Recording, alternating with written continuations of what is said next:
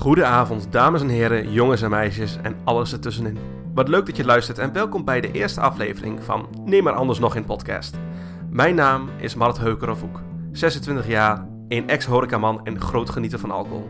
En ik neem je in deze podcast mee in een reis van mijn ervaringen en verhalen, positief en negatief, over alcohol. En hoe het is om na jaren alcohol te hebben gedronken er plots cold turkey een eind aan te maken. En ik neem je tevens mee hoe ik stapje voor stapje andere dingen in mijn leven probeer te verbeteren. En hopelijk hiermee andere mensen te inspireren om hetzelfde te doen. Nou, dames en heren, jongens en meisjes, welkom bij de allereerste aflevering van Neem mij anders nog in podcast.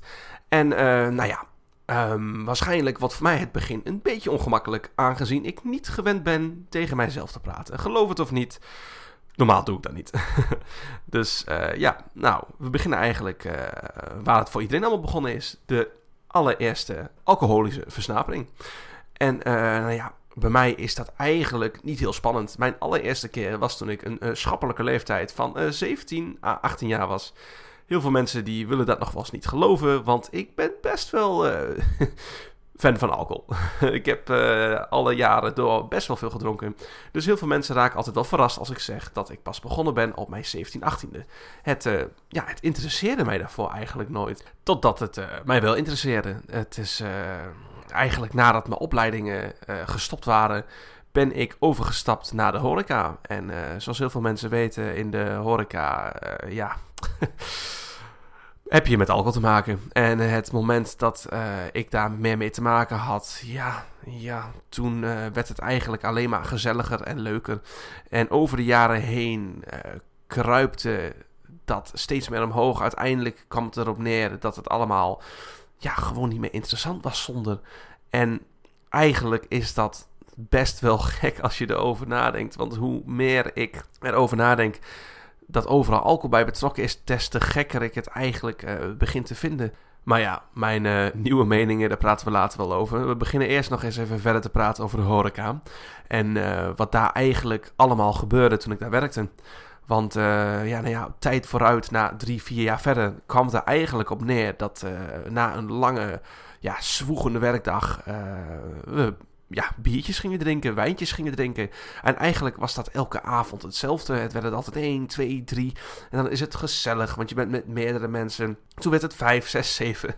En uh, ja, dat bleef maar doorgaan. En um, uiteindelijk was dat zo normaal dat, het, uh, ja, dat je er gewoon niet bij stilstaat. En ja, eigenlijk als uh, jonge horeca-tijger, zoals sommige mensen dat wil noemen, um, merkte je er ook vrij weinig van dat het veel met je deed. Want ja, je bent jong en je wil wat. Hè? En uh, nou ja, nogmaals, ik maakte me eigenlijk niet veel zorgen om. Ik heb niet het gevoel dat ik eigenlijk een probleem had.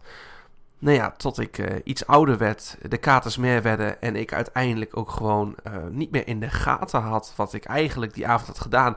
Totdat ik het hoorde van collega's of vrienden van Mat. Jongen, wat heb je toch, wat heb je nou weer gedaan? Of wat heb je nou weer geflikt? En nou ja, daar was ik eigenlijk een klein beetje van geschrokken. Maar ja, het, het voelde niet als iets te geks. Dus uh, nou ja, we zijn eigenlijk gewoon weer doorgegaan met drinken. en uh, ja, nou ja, ik zag het ook oprecht niet als een probleem. Totdat er eigenlijk wat meer dingen voorkwamen, uh, waardoor, ik, ja, het onbewust erger werd. Ik was namelijk nooit iemand die alleen dronk. Nooit gedaan. Ik dacht ook echt van mensen die alleen dronken. Wat een zielig, zielige mensen zijn dat. Nou ja, tot ik er zelf ook aan begon. Uiteindelijk was het de normaalste zaak van de, van de week, van de dag, van de maand, van het jaar. Om gewoon wat te drinken in de avond thuis. Het, uh, het, begon langzaam maar zeker. Eerst begon het met, uh, met biertjes, met wijntjes. En uiteindelijk heb ik gewoon een keer ja, uh, rum lopen drinken. En ik was gewoon helemaal lam. Dit in mijn eentje. En ik, ik vond het nog steeds niet vreemd. Ik heb er niet bij stilgestaan. Het het, uh, ja, het, het voelde als het uh, nieuwe normaal. Het voelde als iets dat uh, in je leven hoort. Want ja, als je niet drinkt, wat, wat doe je dan eigenlijk met je leven? Het, het zit allemaal zo, zo in onze cultuur en in ons sociale leven. Dat je, het, het, het, was mij niet, ik kon het niet bevatten, geen alcohol drinken. En um, nou ja, uiteindelijk werd het gewoon maar erger en erger. Tot ik uiteindelijk gewoon een volle werkweek ja, aangeschoten thuis kwam en gewoon verder dronk. En eigenlijk gewoon met katers op de werkvloer in een restaurant heb uh, gestaan samen met mijn collega's. Echt gewoon, het is, als ik er nu op terugkijk, is het ook iets waar je niet, uh, dat niet normaal is. Ik word er ook niet vrolijk van, maar dit was, dit was normaal. Het is... Uh, ik, ik, dacht ook niet anders. Ik dacht, dit is, dit is het. Dit is het leven. En uh, ja, uiteindelijk, uiteindelijk werd dat nog erger en nog erger. En er waren, uiteindelijk waren er gewoon momenten dat ik stond te wachten van... is het nou al avond? Want dan kan ik het eerste biertje openen en... Dat maakt mij blij, dat geeft mij dopamine, dat is, dat is wat we moeten doen in het leven. En um, uiteindelijk, toen ik dat begon te denken, toen dacht ik van, nou, Mart jongen, waar ben je nou toch eigenlijk mee bezig? ja, toen uh, klikte daar eigenlijk wel iets in mij om. Toen dacht ik echt van, zo hé, dit is niet goed. Dit is niet hoe het hoort. En er zijn meer dingen om te doen. Er zijn prachtige andere dingen te doen in het leven die je daarvoor ook zoveel hebt gedaan. Maar allemaal had het altijd wel iets van te maken met alcohol. Leuke lange dagen, wat je gewoon heel veel leuke dingen hebt gedaan. Trakteer je jezelf met alcohol. Als je je niet goed voelt, trakteer je jezelf met alcohol. Uiteindelijk dacht ik, dit kan zo niet langer.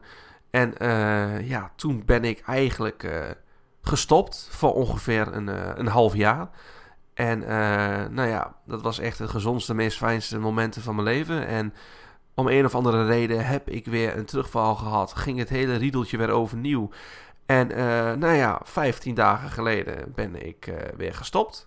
Want ja, die, de cravings kwamen weer. Het was weer het gevoel van wachten tot het avond is. Want dan mag je weer, hè, dan mag je weer drinken. Dan mag je met vrienden dingen doen dat weer met drinken te maken heeft. Het laatste, allerlaatste alcoholische drankje dat ik dan ook heb gehad is een heerlijk, heerlijk koud Castelbier Rouge. En van hieruit uh, gaan we kijken hoe het allemaal verder gaat, hoe het allemaal verder loopt.